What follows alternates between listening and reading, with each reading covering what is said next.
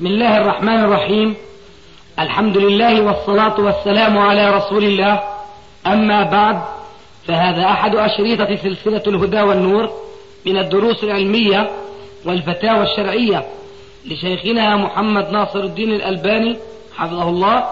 نسأل الله أن ينفع به الجميع. والآن مع الشريط الواحد والتسعين على واحد. شيخ ما حكم النفس؟ والنحنحة في صلاة الفرض.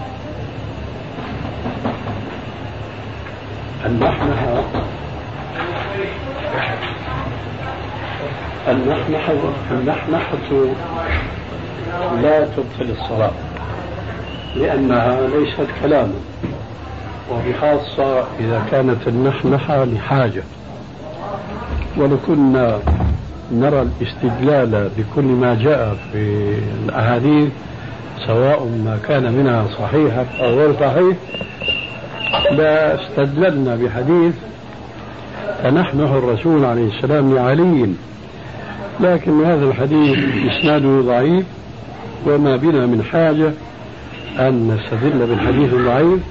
وحسبنا أن فنحنه ليس كلاما لأن الكلام هو الذي جاء الدليل على أنه لا يصلح في الصلاة وما لا يصلح في الصلاة فهو إفساد لها.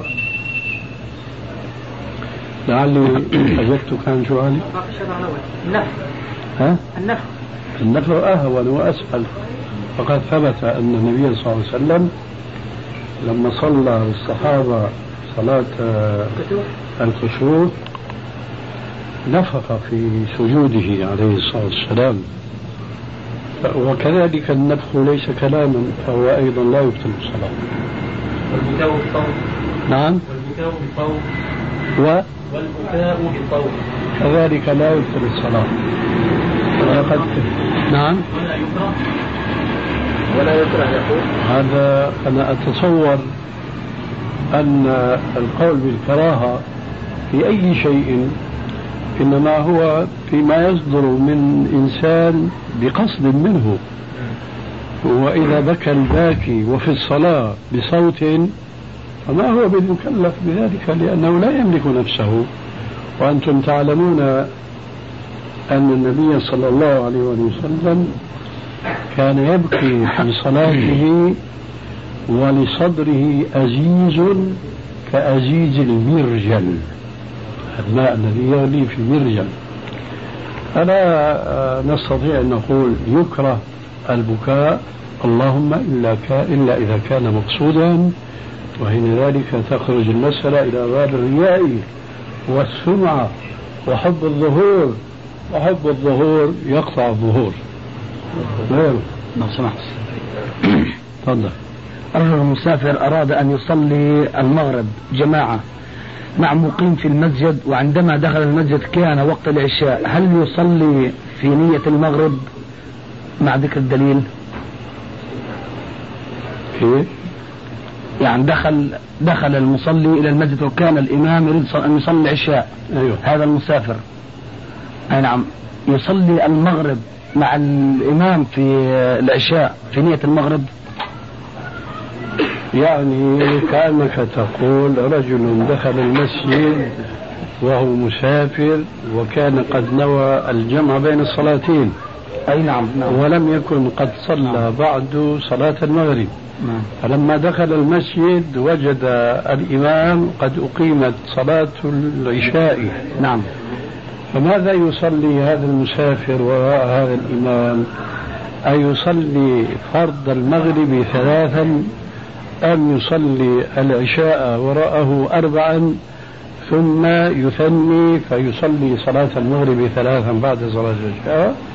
الجواب لا بد له من أن يصلي وراء هذا الإمام ثلاث ركعات المغرب. لأن الترتيب بين الصلوات وعليكم السلام وعليكم السلام ورحمة وبركاته. لأن الترتيب بين الصلوات هذا واجب.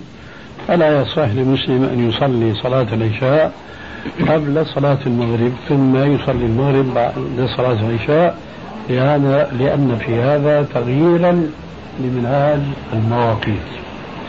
فعليه أن يصلي صلاة المغرب وراء هذا الإمام الذي يصلي صلاة العشاء. ومن الثابت في السنة في غير ما حديث صحيح أن اختلاف نية المأموم عن نية الإمام لا يضر خلافا لبعض المذاهب الذين يقولون مثلا لا يجوز اقتداء المفترض بالمتنفل.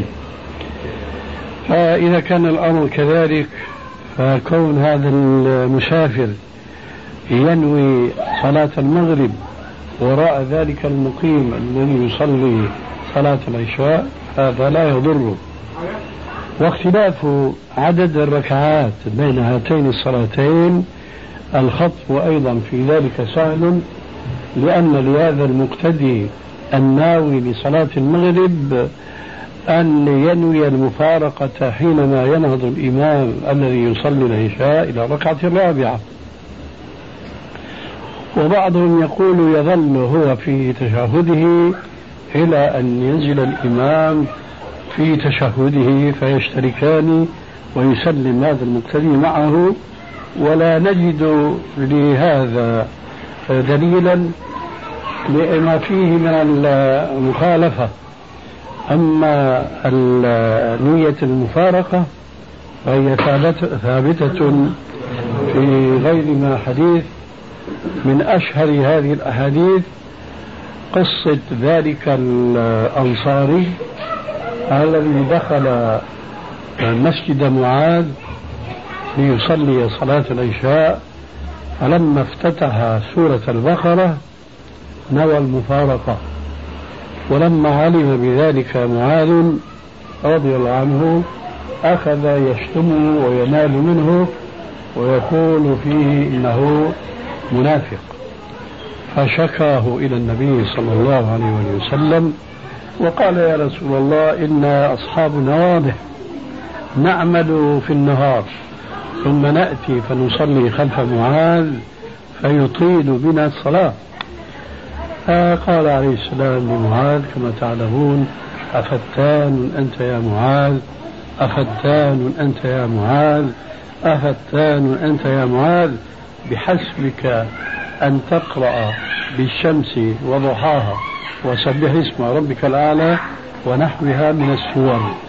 إذا أما أحدكم فليخفف فإن وراءه الكبير والمريض ولا الحاجة. الشاهد من هذا الحديث أن النبي صلى الله عليه وسلم آه لم يؤاخذ ذلك الأنصاري حينما نوى مفارقة الإمام وليس له عذر سوى التعب وهنا هذا المسافر إذا نوى مفارقة الإمام ليتم صلاته حسب النهج المفروض على المسلمين جميعا وهو من المغرب ثلاث ركعات فلا شيء في ذلك أبدا ولا يكلف بغير ذلك. ومن الأدلة على ذلك وهو من السنن التي لا يكثر ذكرها وقد لا يستحضرها بعض الطلبة أن النبي صلى الله عليه وسلم إذا كان إذا صلى صلاة الخوف بأصحابه كان يصلي بهم على صور شتى. من هذه الصور أنه كان يصلي لنفسه ركعتين ولكل من الطائفتين ركعة ركعة. فكانت طائفة تقف تجاه العدو والطائفة الأخرى تأتي وتقتدي وراء النبي صلى الله عليه وسلم يفتتح بهم الصلاة. فإذا قام عليه الصلاة والسلام إلى الركعة الثانية جلس هؤلاء في التشهد وسلموا فكانت لهم ركعة. ثم انطلقوا وأخذوا مصاف الطائفة الأخرى. لتأتي هذه الطائفة وتصلي وراء النبي صلى الله عليه وآله وسلم الركعة الثانية فيسلم بهم فتكون الصلاة له عليه السلام. ركعتين ولكل من الطائفتين ركعة ركعة. هذا الذي نراه بالنسبة لهذا المسافر الذي اقتدى وراء الإمام المقيم. نعم. نعم. ذلك إن الرسول صلى الله عليه وسلم لم يقل للرجل اعد الصلاة أن الأمر المشروعية بالنسبة للمفارقة. هل يلزم من ذلك ماذا؟ أن الرسول صلى الله عليه وسلم عندما لم يأمر الرجل الذي صلى خلف معاذ بالإعادة هل يلزم من ذلك أن أمر المفارقة أمر مشروع؟ هذا اولا. لأن الرسول صلى الله عليه وسلم أيضا عندما كان عمر وعمار ونعلم قصة التيمم عندما تمرغ عمار وعمر ترك الصلاة. فالرسول صلى الله عليه وسلم لم يأمر عمر أيضا بالإعادة.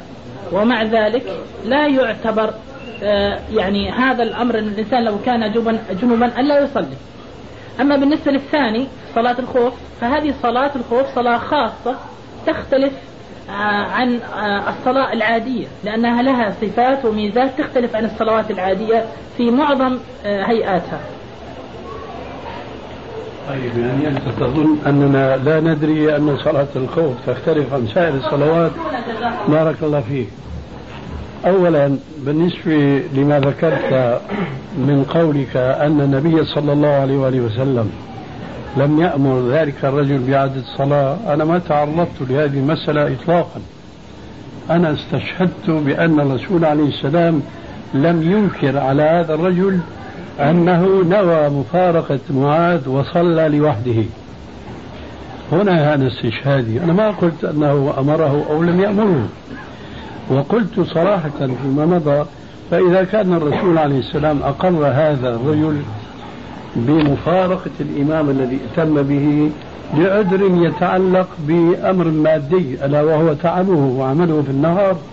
فمن باب أولى أن يقدم أو أن يجد لهذا المصلي عذرا وهو يريد أن يتم صلاته على الوجه المفروض والمعلوم لدى أهل العلم جميعا.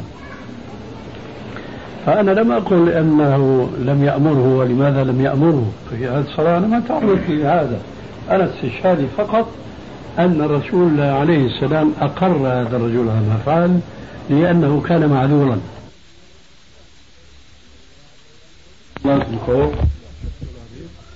كل منا يعلم أن صلاة الخوف لها أحكام خاصة ويكفي أن صلاة الخوف ركعة ولا يوجد في الصلاة الخمس صلاة في ركعة واحدة. لكن استشهادي أنه جاءت الطائفة الأولى وصلت خلف الرسول هذه الركعة التي هي صلاة الخوف. ونووا المفارقة علما بأن هناك صور كثيرة كما أشرت أنا في أول صلاتي أن النبي صلى الله عليه وسلم يصلي بطائفة ركعة ويسلم. ويصلي بطائفة أخرى ركعة ويسلم. يصلي بطائفة ركعتين ويسلم. يصلي بطائفة أخرى ركعتين ويسلم. كل هذه صور أنا أشرت إليها آنفا.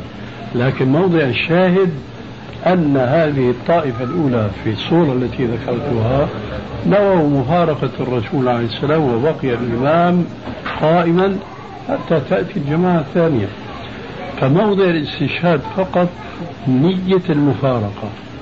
أضف إلى هذا شيء لم أذكره ليس عندها في الشرع ما يدل على أن هذا العمل بخصوصه وهو هذا المقتدي الذي نوى ثلاث ركعات المغرب بعد وراء الإمام الذي يصلي أربعا ليس عندنا دليل يمنع من هذا الفعل. فإذا انضم هذا إلى ما سبق فيكون إن شاء الله نورا على نور. تفضل. قال في رأي يقولوا إن الشيء المحرم تحريم يعني بس يكون محرم في جميع الأديان يقولوا كذا. يعني والشيء المحرم لعلة يكون محرم من أجل هذه العلة. وإذا ذهبت هذه العلة فيحلل هذا الشيء أو يصير يعني ما فيه كراهة فيه. وضرب مثلا على ذلك أن عمل التماثيل كان يعني محلل لسيدنا سليمان. إنما الزنا وقتل النفس الذي حرم الله قتلها فهذا محرم في جميع الأديان فهذا يحرم. ويقول الآن يقول يعني إن التي نصنع التماثيل فان العلة من تحريمها قد زالت ولا يوجد الآن من يعبد تمثال أو يعبد صوره أو شيء من هذا ما شاء الله.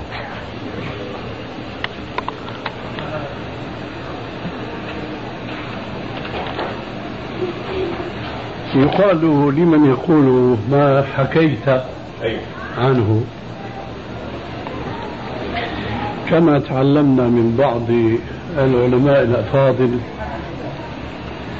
ومن شيوخنا الأكارم الذين لم نلقهم. وإنما على قاعدة لنا جلساء لا نمل سماعهم مأمونون غيبا ومشهدا. فإن قلت أموات فما أنت بكاذب وإن قلت أحياء فما أنت بمفند. فبعض هؤلاء الشيوخ يقول لمثل هذا المدعي أثبت العرش ثم انقش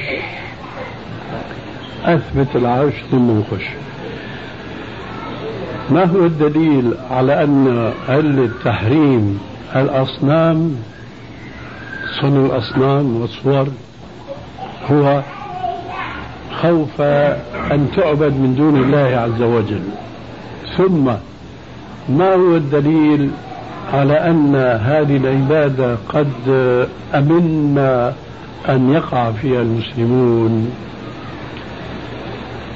سأعود إلى الدعوة الأولى أي أن نطالبهم بالدليل على العلم المدعاة. لكن نحن نسبق الأمر فنقول لو ثبت أن العلة هو كذلك خشية أن تعبد الأصنام. لكن من أين لنا أننا خلاص انتهينا وأمنا؟ وكما يقولون عندنا في الشام حطينا رجلينا مي باردة. وما عاد نخاف إنه أحد يقع في الشرك. كيف هذا؟ والرسول صلى الله عليه وسلم يقول كما في صحيح البخاري لا تقوم الساعة حتى تضطرب أليات نساء دوس حول صنم لهم يقال له ذو الخليصة. هذا خبر عن الرسول في أصح كتب بعد القرآن. فإذا الذي آه، أشرت إليه من القائلين يقول ما لا يعلم بل يقول ما يخالف فيه كلام الرسول صلى الله عليه وآله وسلم. نعود إلى العلة. ما هو الدليل على أن العلة هو خشية أن يعبد المسلمون الأصنام؟ يمكن أن تكون هذه حكمة أو بعض علة. أما أن تكون هي علة فأولا لا دليل لهم على ذلك إلا مجرد الظن وصدق الله إن الظن لا يغني من الحق شيئا. ثانيا لقد نص الحديث على خلاف ما يزعمون. لقد قال عليه الصلاة والسلام يقول ربنا تبارك وتعالى ومن أظلم ممن ذهب يخلق كخلقي فليخلقوا ذرة فليخلقوا حبة فليخلقوا شعيرة أو قدم أو أخر ربما يكون أمر كذلك. المهم ومن أظلم ممن ذهب يخلق كخلقي فليخلقوا حبة فليخلقوا شعيرة فليخلقوا ذرة. إذا هذا ينص أن التحريم سبب الهواء وهذا جاء أيضا في حديث عائشة إن أشد الناس عذابا يوم القيامة الذين يضاهون بخلق الله. الذين يضاهون بخلق الله. هذه العلة الأساسية التي جاءت منصوصة في السنة الصحيحة. أما الخشية التي ذكرتها أو حكيتها آنفا فهي آه، علة اجتهادية مأخوذة من تاريخ بعض الأمم المتقدمة كقوم نوح عليه السلام حيث حكى ربنا عز وجل في القرآن أنه قال وقالوا لا تذرن آلهتكم ولا تذرن ودا ولا سواعا ولا يغوث ويعوق ونسرا وقد أضلوا كثيرا. يقول ابن عباس كما في البخاري وتفسير الجرير وغيرهما أن هؤلاء الخمسة كانوا عبادا لله صالحين. فلما ماتوا أوحى الشيطان إليهم أن يجعلوا قبورهم في أفنية دورهم ألا يدفنوهم في مقابرهم كعامة الناس. وذلك تمجيدا وتقديسا وتذكرا لمناقبهم زعموا كما يقولون اليوم الذين بدأوا ينشرون الأصنام وينصبونها في الأماكن العامة والمنتزهات ونحو ذلك. وتركهم الشيطان جيلا من الزمان ثم جاءهم وأوحى إليهم أن بقاء هؤلاء في هذه القبور كما هم فقد تأتي عاصفة من السماء أو سيول أو رياح وتذهب بقبورهم فتنسونهم. ماذا نفعل؟ قال اتخذوا لهم أصناما. فجعلوا لهم أصناما خمسة ووضعوها في أماكن. أوحى للجيل الذي بعدهم أن يضعوها في أماكن تليق بذكراهم. وما جاء الجيل الذي بعدهم إلا وأخذوا يعبدونهم من دون الله وكان من أولئك قوم نوح عليه السلام ودعاهم إلى عبادة الله وحده لا شريك له فكان جوابهم ما سمعتم لا تذرن آلهتكم فنهي إشلال عن الصور وعن التماثيل وبخاصة المجسم منها يمكن أن يقال أن هذا من باب سد الذريعة أن تعظم هذه الأصنام لكن لا نقول أن العلة هو هذا فالعلة ذكرت في الحديثين السابقين. فخلاصة الجواب أن التصوير محرم بنصوص قاطعة في الإسلام وليس هناك ما يدل إطلاقا أنه يأتي زمن آه، تستباه هذه الأصنام لأن الناس يعرفون التوحيد ولا يقعون في الشرك. وماذا نقول اليوم؟ ولا نزال نحن نشكو من الألوف المؤلفة بل الملايين المملينة من المسلمين وهم يطوفون حول القبور وحول زيارة الصالحين والأولياء. ومناداتهم من دون الله وهؤلاء يشهدون معنا أن لا إله إلا الله وأن محمد رسول الله.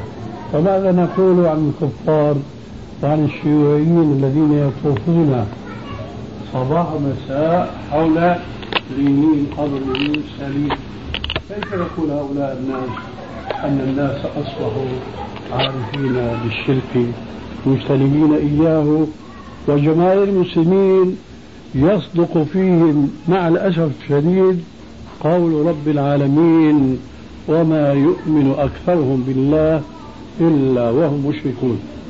هذا يأتي من الجهل بالتوحيد حقيقة. لأن أكثر هؤلاء المسلمين يتوهمون أن التوحيد هو أن تعتقد بأن الله خالق واحد لا ند له ولا شريك له. أما أن تعبد غيره هذا ليس له علاقة بالشرك ومنافاة التوحيد. هذا شيء مؤسف جدا جدا. الصور لا تزال محرمة إلى يوم القيامة. تفضل. ذكرتم الصور المجسمة. الصور المفرغة إذا طولنا صورة وفرغنا مكانها وتركنا الورقة أو الجدار أو الحائط. كل ما كان صورة دخل في عموم الأحاديث. من صور صورة كلف أن ينفخ فيها الروح يوم القيامة. كانت مجسمة أو مفرغة. ألست إذا نظرت إليها؟ قلت هذه صورة وأنها تمثل فلانا أو الحيوان الفلاني. أي صورة كفين هكذا نعم. كفين كفين مجسمين. وعليهم آية من القرآن. دعاء أو شيء. كفين فقط. يعني ما في رأس. لا نرى مانع من ذلك. لقوله عليه السلام الصورة الرأس. والتعظيم يأتي من الرأس وليس من الذنب يا شيخ المنة. يا أستاذ منة. أستاذ يوم في سؤال. واحد. من كم سؤال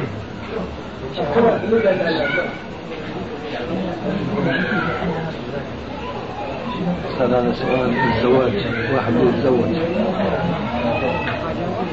يا شيخ البنا الساعة الآن جزاك الله خير. أحسن الله إليك. شكرا تأذن لنا. والسلام عليكم. نعم لو سمحت. معلش سؤال مهم. تفضل. هل يشرع قضاء الأيام التي ورد الترغيب في قيامها إذا فاتت لعذر مع الأمل في تحصيل أجرها المرتبط بأدائها في يومها؟ في يوم عرفة وعاشوراء ونحوها؟ أعد علي نعم أعد علي يقول هل يشرع قضاء الأيام التي ورد الترغيب في صومها إذا فاتت لعذر مع الأمل في تحصيل أجرها المرتبط بأدائها في يومها وهي من النوافل تعني أي زي عاشوراء وعرفة أي أي نعم لا لا يشرع لا يشرع نعم بوصي اخواننا أستاذ بوصي اخواننا في اشرطه جيده الان مع احد اخواننا جبتها من الاردن فيها طلباتكم هذه الأسبوع فيها الشعريه من الأخ؟ من هو شاب الآن مدرس اسمه حزام. وراح يعطينا محل تسجيل الفتح أيوة. يعني لكن بأسعار فقط تكون أسعار رخيصة. تخت... لا ما هذا شرط عندي أنا إنه يكون أسعار رخيصة. حتى إنه يكون يعني يأخذ كمية أكبر. أي إنسان ثاني بيكسب أي نعم. سجاد الفتح أنا كاني سمعت هيك يقول. اي نعم هذا الرجل هو عمل عنوانك فين؟ أنا أعطيكم رقم تلفوني واشغلوني القرآن ما حكم في غير قراءة القرآن؟ ما حكم بسم الله الرحمن الرحيم هل نقولها كاملة أم نقول بسم الله فقط علما أنه أنا قرأت في كتاب تاريخ مفرغ على طلاب الثانوية أعتقد. رسالة من رسول الله صلى الله عليه وسلم إلى قصر إلى إلى قيصر الروم. مصدرة بسم الله الرحمن الرحيم. هل تتبع هذه في طعامنا في شرابنا في معاملاتنا؟ بسم الله الرحمن الرحيم. أم لها حكم آخر؟ جزاكم الله خير. أما تصدير الرسائل بسم الله فأسوتنا في ذلك رسول الله كما في قصة آه، مخاطبته عليه السلام للملوك منهم هرقل ملك الروم منهم القيقس وغيره ثم هذا اقتداء بكتاب الله عز وجل. أما في أماكن أخرى ففيها قيود والتزام بما كان عليه الرسول عليه الصلاة والسلام منها مثلا عند الطعام. ففي الطعام لا يقال تقال البسملة كاملة. بسم الله الرحمن الرحيم. كما هو معهود بين أكثر المسلمين اليوم. ظن منهم أن هذا هو السنة لكن السنة هو الاقتصار فقط على بسم الله. فهذا ثبت من قوله عليه السلام ومن فعله. فهو حينما كان يأكل كان يقول بسم الله. ولا يزيده وحينما علم الغلام لما جلس يأكل مع رسول الطعام قال له عليه الصلاة والسلام يا غلام كل سم الله وكل بيمينك وكل مما يليك. فقال له قل بسم الله. ولم يزد عليه الصلاة والسلام. ولا شك أن التزام السنة هو الواجب على كل مسلم. فهذا ممكن مما ينبغي أن يقتصر فيه على قول بسم الله فقط. من ذلك أيضا إذا أتى المسلم الخلاء وتهيأ له قال بسم الله أعوذ بالله من شر الخبث والخبائث. فلا يقول الرحمن الرحيم في مثل هذه المواطن. أما إذا كان هناك أمر آخر لم يرد فيه نص خاص فترد البسملة كاملة. نعم سمانا نجوم على الألسنة كل أمر ذي بال لا يبتدأ ببسم الله الرحمن الرحيم فهو أبطأ أو أبتر أو أجدر. هذا الحديث مع شهرته ففيه رجل اسمه عبد الرحمن بن قروة وهو ضعيف لسوء حفظه. ولذلك فالحديث بسبب ذلك ضعيف لا يحتج به.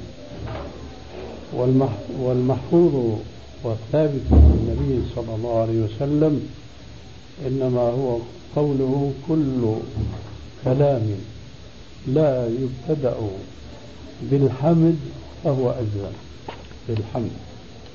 هذا هو الثابت في سنن أبي داود وغيره.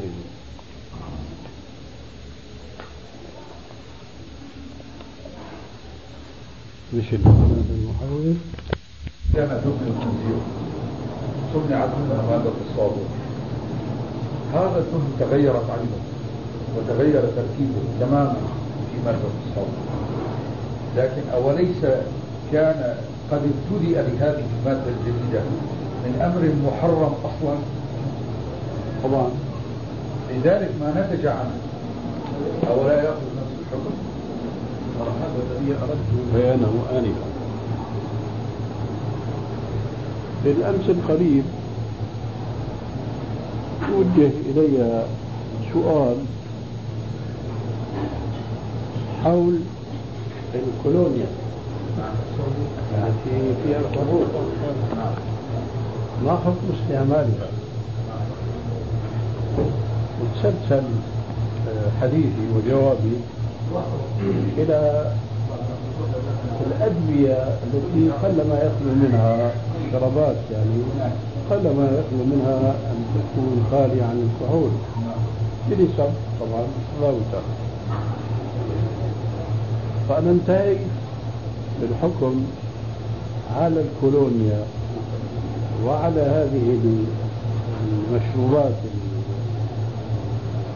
الطبية. إلى ما يأتي. لماذا؟ على قول عليه السلام ما أسكر كثيره فقليله حرام هذه الكولونيا أو هذا الشراب الدواء إذا كان نسبة الكحول فيه تجعل المقدار الذي يمكن أن يتعاطاه الإنسان منه السليم أو المريض. السليم بالنسبة للكولونيا مثلا إذا خلطه مع شيء من الماء أو شيء آخر. والمريض إذا أكثر من شرب ذلك الدواء لا يسكر ولا يتأثر فحينئذ تلك الكولونيا يجوز بيعها وشراؤها واستعمالها. وكذلك ذلك الشراب أو الدواء. أما إذا كان الكثير من كل من الكولونيا والشراب يسكر مشاربه فحينئذ لا يجوز لا بيعه ولا شراء ولا استعمال. بعد هذا أتيت إلى ما نحن الآن في صدده لكن هذا لا يعني أنه يجوز للمسلم أن يصنع الكولونيا بيده ولو كان نسبة الكحول في هذه الكولونيا قليلة. ولا يعني أنه يجوز للصيدلي المسلم أن يركب دواء فيه كحول ولو بنسب قليلة لأن هذا يستلزم آه، أول من أين يأتي بهذه الكحول؟ إما أن يعصرها هو بنفسه أو يشتريها جائزة وهذا لا يجوز وذاك لا يجوز كما هو في حديث لعن الله في السماء عن هذا الذي أنا أريد أن أقوله الآن هذه الكولونيات وهذه الأدوية حينما تأتينا حينما تأتينا جاهزة من أوروبا وعليكم السلام ورحمة الله وبركاته. فنحن ننظر إليها بالمنظار السابق. يذكر كثير أو لا يذكر وقد عرف الجواب. لكن هذا لا يعني أنه يجوز لنا أن نصنع صنعهم أن نصنع صنعه لأن هذا الصنع يقتضينا حينئذ أن نقع في المحرم صراحة. إما أن نعصر بأيدينا أو نعصر أو أن نشتري ما عصره غيرنا. وكل ذلك داخل في عموم قوله عليه السلام لعن الله في الخمرة عشرة إذا تبين لكم هذا نعود إلى الصابون. الصابون كالدواء الذي صنعه الكفار وكالكولونيا التي صنعتها الكفار. نحن ننظر إلى هذه النتيجة وندرسها على ضوء الشريعة الإسلامية ونعطيها الحكم اللائق بها كما سبق بيانه آنفا لكن حينما نريد أن نصنع كما صنعوا هم فنحن لا يجوز أن نصنع كما صنعوا هم لأننا نرتكب مخالفة شرعية. هنا أظن يتضح لكم الجواب. أولئك أخذوا شحم الخنزير أو شحم الميتة وأدخلوها كعنصر سواء في الجبنة أو سواء بالصابون هذا ليس بعد الكفر ذنب هذا عملهم. فهذا هالحصيلة هذه أو هذا المركب؟ نحن درسناه على ضوء الشريعة الإسلامية. فقلنا مثلا والله عندنا الآن توقف بالنسبة للجبنة كما شرعت لكن عندنا جزم بأنه بالنسبة للصابون هذا الشحم الخنزيري أو الحيوان الميت قد تحول إلى عين أخرى. هذا التحول في حكم الشرع مطهر. أظن هذا في علمكم طبعا أن التحول هو مطهر. فحينئذ هذا الصابون الذي يأتينا وقد تطور عين شحم الخنزير أو شحم الحيوان الميت وأخذ حقيقة أخرى فنحن نستعمل صابونا طاهرا. لكن نحن لا يجوز لنا أن نركب هذا نعم. النوع لما سبق بيانه ما أدري أنا يعني الذي أرى في موضوع الصابون بالذات أنني أميز بين آه، شحم حيوان ميت أصله مباح لو زكي والخنزير. الخنزير سواء زكي أو لم يزكى كله مرفوض عظمه ولحمه وشحمه وجلده وشعره. صحيح بس في النتيجة بارك الله فيك ما حتى لو تحول إنما بدأ بأصل محرم عينه. لا هذا العطف في نظر قولك حتى لو تحول. إذا رجعنا عن قولنا هذه أنا أقول أنا أقول آه. يعني حتى لو تحول إنما بدأ بأمر رفضه الشرع كلية. بينما الذي الحيوان الذي نفق دهنه إنما حرم بسبب أنه لم يزكى. معليش لكنه حرام. حرام على كل حال. يعني تحول عينه أو تحول تركيبه أصبح في وضع آخر. ما في فرق بارك الله فيك. انظر معي الآن إلى قوله عليه الصلاة والسلام. أيما إهاب دبغ فقد طهر. هذا نص بأن هذا الإهاب الذي طهر كان نجسا. نعم. طيب. فإذا إذا أردنا إذا صح التعبير إذا أردنا أن نفلسف أو نعلل عبارة أخرى أن نعلل لماذا تطهر هذا الإهاب النجس بالدباغ؟ لأنه تحولت فيه العينات التي كانت نجسته إلى شيء آخر. ولذلك هو فقد طهر. لذلك تحول النجس إلى طاهر. الإهاب نفسه. آه. عينه كانت نجسة أم أن به نجاسة؟ لا هو نجس؟ يعني لو أخذنا مثلا حيوان آه، نمر مثلا أو الأسد. نعم. فهو حرام أكله. وجدناه ميتا سلخناه وأخذنا جلده ودوغناه فهو نجس ومحرم. لكن الدباغ كما قال في الحديث الآخر دباغه طهوره. يعني أليس من التمييز بين محرم ونجس؟ يعني لما أقول النمر نجس أو النمر محرم أكله. ما في فرق بين الأمرين؟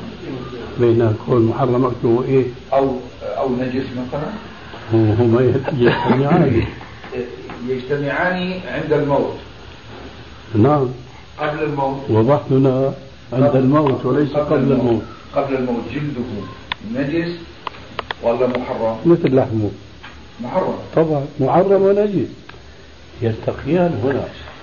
لأنه كما قلت آنفا القول عليه السلام شو هذا مسقي هذا؟ شو آه خليها على آه.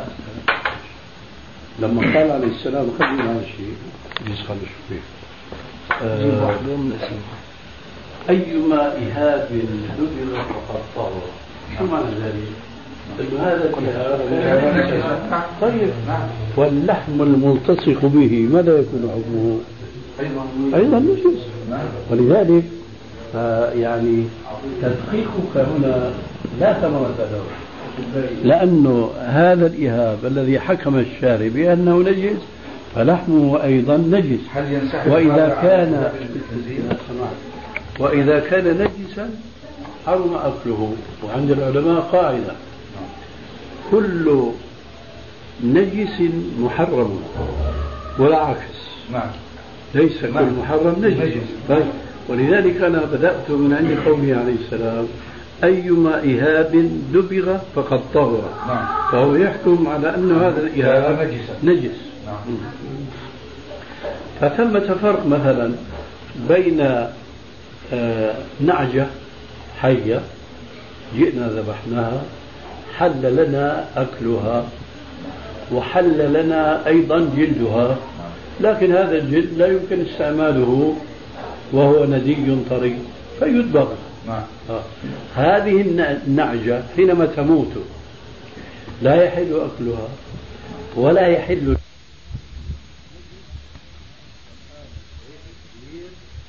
يطهر يطهر بالدباغ نعم. طيب الآن ننتقل نحن أتينا بسورتين الآن سورة نعجة نعم.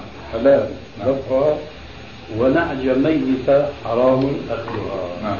الآن نأتي إلى الحيوان الذي لو زكيته مئة مرة لا يخطر يبقى كما ويبقى هو. محرما أيوة نعم. يبقى كما هو. نعم. ترى ما حكم جلد هذا الحيوان؟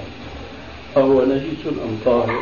ولا يأتي قوله عليه السلام أيما إهاب دبغ فقد طهر. نعم. هذا الجلد يدخل بالدباغ طيب لحمه نجس؟ من نعم. باب أولى نعم. فإذا هنا اجتمع الصفتان النجاسة والتحريم. نعم. نأتي إلى الخنزير. الخنزير محرم بداية أكله نعم. فهو نجس العين. نعم. كما يكون الطهارة نعم. فأخذنا جلده ودبغناه. هذا دباغه طهوره. فحينئذ ما ينبغي أن نفرق بين أن يكون الدخيل في مواد الصابون هو من هذا الشحم الخنزيري أو من ذاك الشحم النمر مثلا أو الأسدي أو نحو ذلك. لأن هذا حرام ونجس وهذا حرام ونجس. وعلى هذا يتبين والله أعلم بأننا نحن لا ننظر إلى ابتداء عملية الصابون أنه أخذوا لحم شحم خنزير. وهذا محرم. نحن نجي ننظر إلى النهاية. وكما يقال في غير ما هذه المناسبة إنما الأعمال بالخواتيم. نحن الآن نضرب مثالا للفقهاء. آه، مع التذكير بأن الفقهاء اختلفوا في الحديث السابق أيما إيهاب دبغ فقد طور. هل يشمل مثلا آه، الحيوانات المحرمة وبخاصة كالخنزير؟ عفوا خاصة كالكلب؟ قيل وقيل. منهم من أدخل الكلب في عموم الحديث ومنهم من استثناه. وهذا الذي استثنى الكلب يستثني الخنزير من باب أولى. لكن الحديث عمم وما فصل في ذلك توسع على الأمة. أعود فأقول لما قال الفقهاء بأن التحول مطهر ليس في هذه الصحراء بالعوامل الطبيعية المعلومة كالرياح والأمطار الشمس ونحو ذلك تحولت هذه الخصيصة إلى مملحة إلى ملح. أنت تنظر إليها الآن نظرا ما تدري إلا أنها ملح تذوقها طعما ما تشعر إلا أنه ملح غيرك مثلا يدري لأنه ابن تلك الأرض. أن هذه كانت خصيصة يوم ما فتحولت بتلك العوامل إلى ملح ما في فرق بينك وبين أبدا في النتيجة؟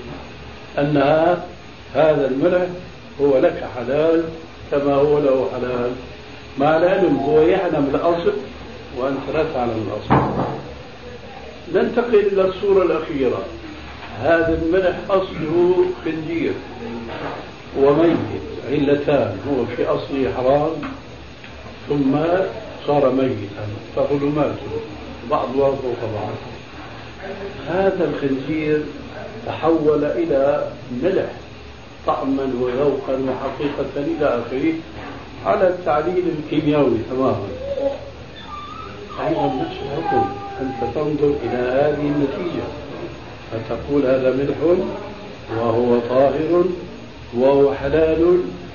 ذاك لا يستطيع أن يخالفك لأنه يعلم أصل هذا الحيوان أنه خنزير وخنزير ميت. إنما الأعمال بالخواتم. فما دامت الخاتم هو الحل والطهارة فهذا الذي نحن مكلفون به. نحن عندنا هذا الصابون ما ننظر ماذا فعلوا لنا هب أنهم جابوا النجاسة وبطريقة ما كيميائية حولوها بفن دقيق إلى هذا الصابون المطيب ومطهر ومعقم إلى آخره. نحن ننظر إلى هذه النتيجة ولسنا مكلفين أبدا أن ننظر إلى ابتداء الأمر. لسنا مكلفين بالنظر إلى ابتداء الأمر أمام هذه النتيجة. لكن نحن مكلفون أن لا نصنع هذه النتيجة لأن ذلك يكلفنا بواقعة الحرام. استعمال كما قلنا آنفا النجاسة من لحم الخنزير وهو محرم. هذا لا يجوز استعمال الكحول مثلا محرمة لا يجوز. لكن هم استعملوا الكحول وركبونا هذا الدواء نظرنا في هذا الدواء فما وجدناه مسكرا فهو حلال لا, لا يجوز تحريمه هذا الذي ندين الله به ونريد أن نستعين بآلة الاختصاص في معرفة الشكاوى المتكاثرة حول أنواع من الأجبان نعم. والزبدة أيضا نعم. والآن خطر في بالي هل يعني جوابك في الزبدة يلتقي مع جوابك في الصابون أم مع جوابك في الزبدة, الزبدة على وجه اليقين لأنها إنما تنفصل من الأصل. ما, ما هو الجواب من الحديث. يقولون لا يقول بس بعد بارك فيك على أساس ما يقال فيها أيضا شحوم فهل جوابك إذا كان فيها نعم. شحوم كجوابك عن الأجبال نعم. هو نعم. طيب من ترى يمكن أن والله لعل الدكتور الهواري يعني المفروض هو يبحث في هذا. إنه هو اولا عنده المختبر وعنده القدرة على التحليل. يعني ليس كل طبيب يعني لا. تحليلي. لا. ليس كل طبيب. إنه التحليل يعني الآن أصبح أساليبه محدودة يعني اختصاصات. يعني ما مثل القديم مثلا كانوا يقولون هذا محلل خلاص يعني يعرف كل شيء. حقيقة لا يعرف مو مو آمين رب يجزيني علما كان حدثنا على الاستاذ عزيز خصوصا الذهب المعلق أي. فتجادلنا كثيرا في هذا الموضوع. نعم. فيا ريت يعني لو نسمع منك النهاية هذا إيه لا بأس في هذا لكن آه، قراءة ما كتب في هذا الصدد قد يكون أنفع. الذهب المحلق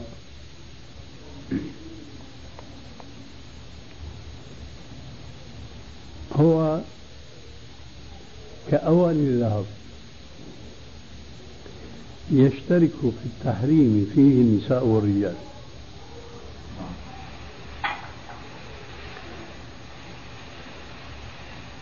ومن الغريب العجيب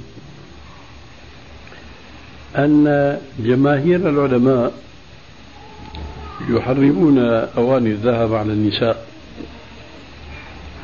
وهم يعلمون كما نعلم معهم. قوله عليه السلام لما خرج يوما على أصحابه وفي إحدى يديه ذهب وفي الآخر حرير وقال هذا حرام على ذكور أمتي حل لإناثها.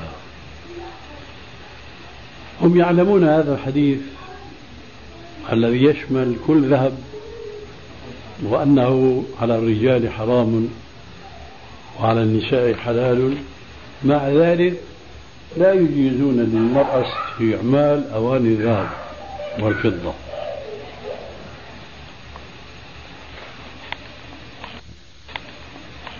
مع أنه لا يوجد نص خاص. هنا موضع الغرابة. لا يوجد نص خاص في تحريم أواني الذهب على النساء وإنما هناك نص عام من حيث الأسلوب العربي يمكن أن يدخل فيه الجنسان ألا وهو قوله عليه الصلاة والسلام من أكل أو شرب في آنية ذهب أو فضة فكأنما يجرجر في بطنه نار جهنم أو نار جهنم. فهم أخذوا تحريم هذه الأواني الذهبية على النساء من لفظة من لأنها من صيغ الشمول والعموم فدخل فيه الرجال والنساء. ولما جاءت أحاديث صريحة وصحيحة وأكثر من هذا الحديث. هذا حديث واحد لكنه صحيح. تحرم هذه الأحاديث صراحة على النساء أولا ثم للذهب المحلق ثانيا. قالوا هذه الأحاديث منسوخة. ما الذي نسخها؟ حل لإناثها. هذا أولا يتنافى مع القواعد الأصولية التي تعلمناها منهم. لأنه لا يجوز نسخ الخاص بالعام وإنما العكس هو الصواب. يستثنى الخاص من العام ويبقى العام هو شبه منسوخ لكن لا كلا وإنما جزءا. مثاله.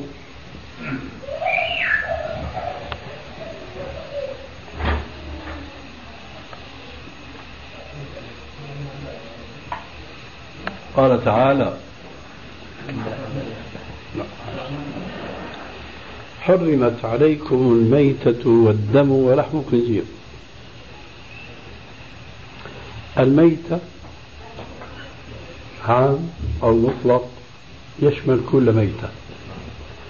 من ذلك مثلا ميتة البحر وميتة الجراد ميتة الحوت السمك والجراد.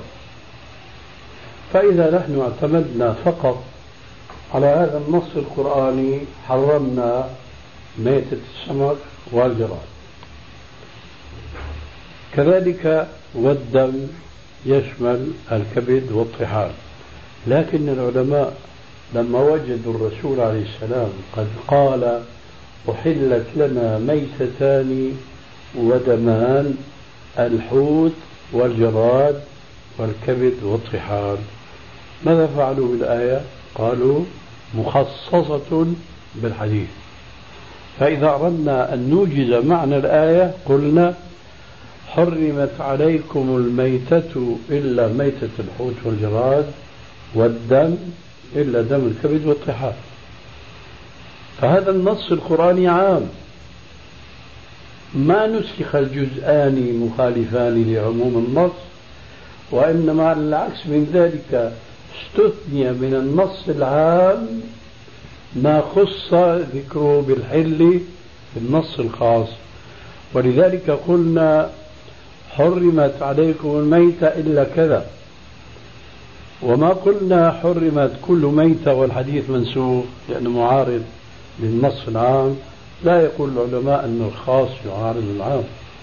وهذا الشيء منه كثير وكثير جدا. مثلا لما ذكر الله عز وجل المحرمات من النساء قال وأمهاتكم اللاتي أرضعنكم. ما ذكر المحرمات في الرضاع كلها؟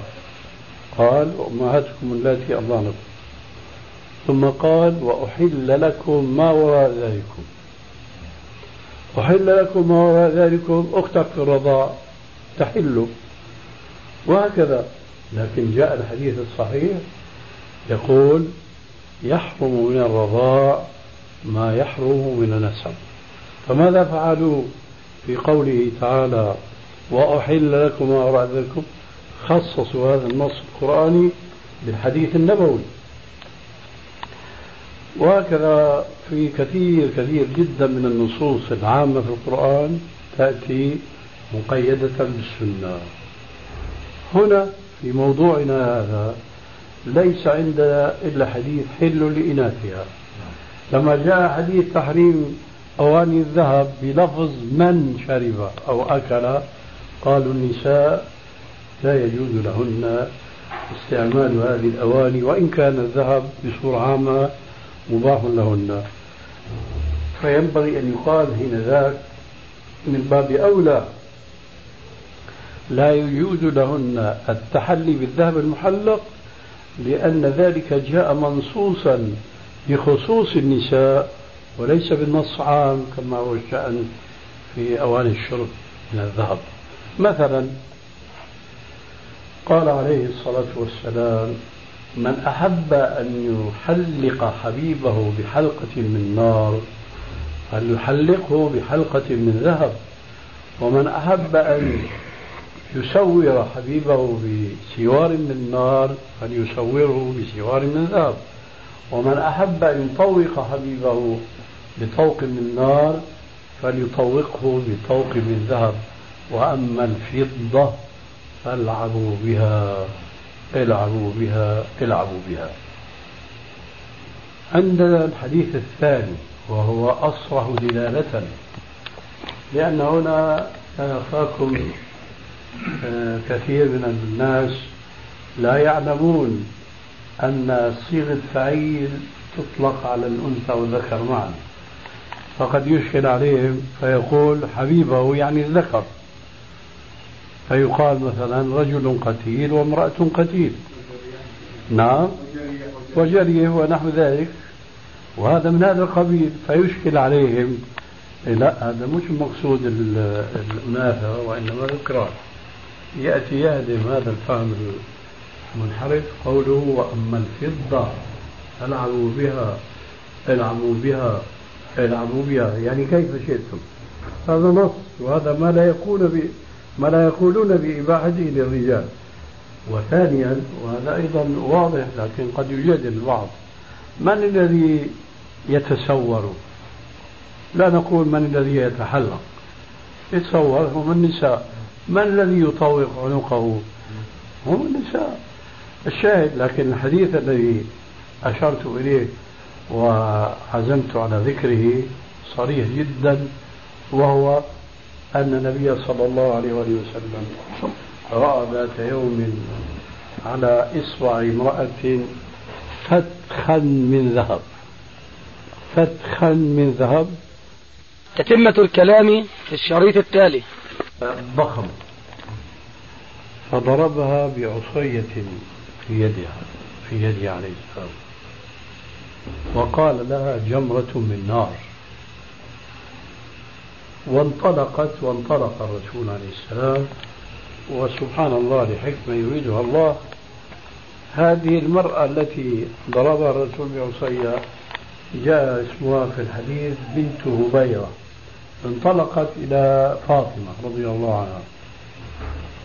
وسرعان ما جاء الرسول دخل على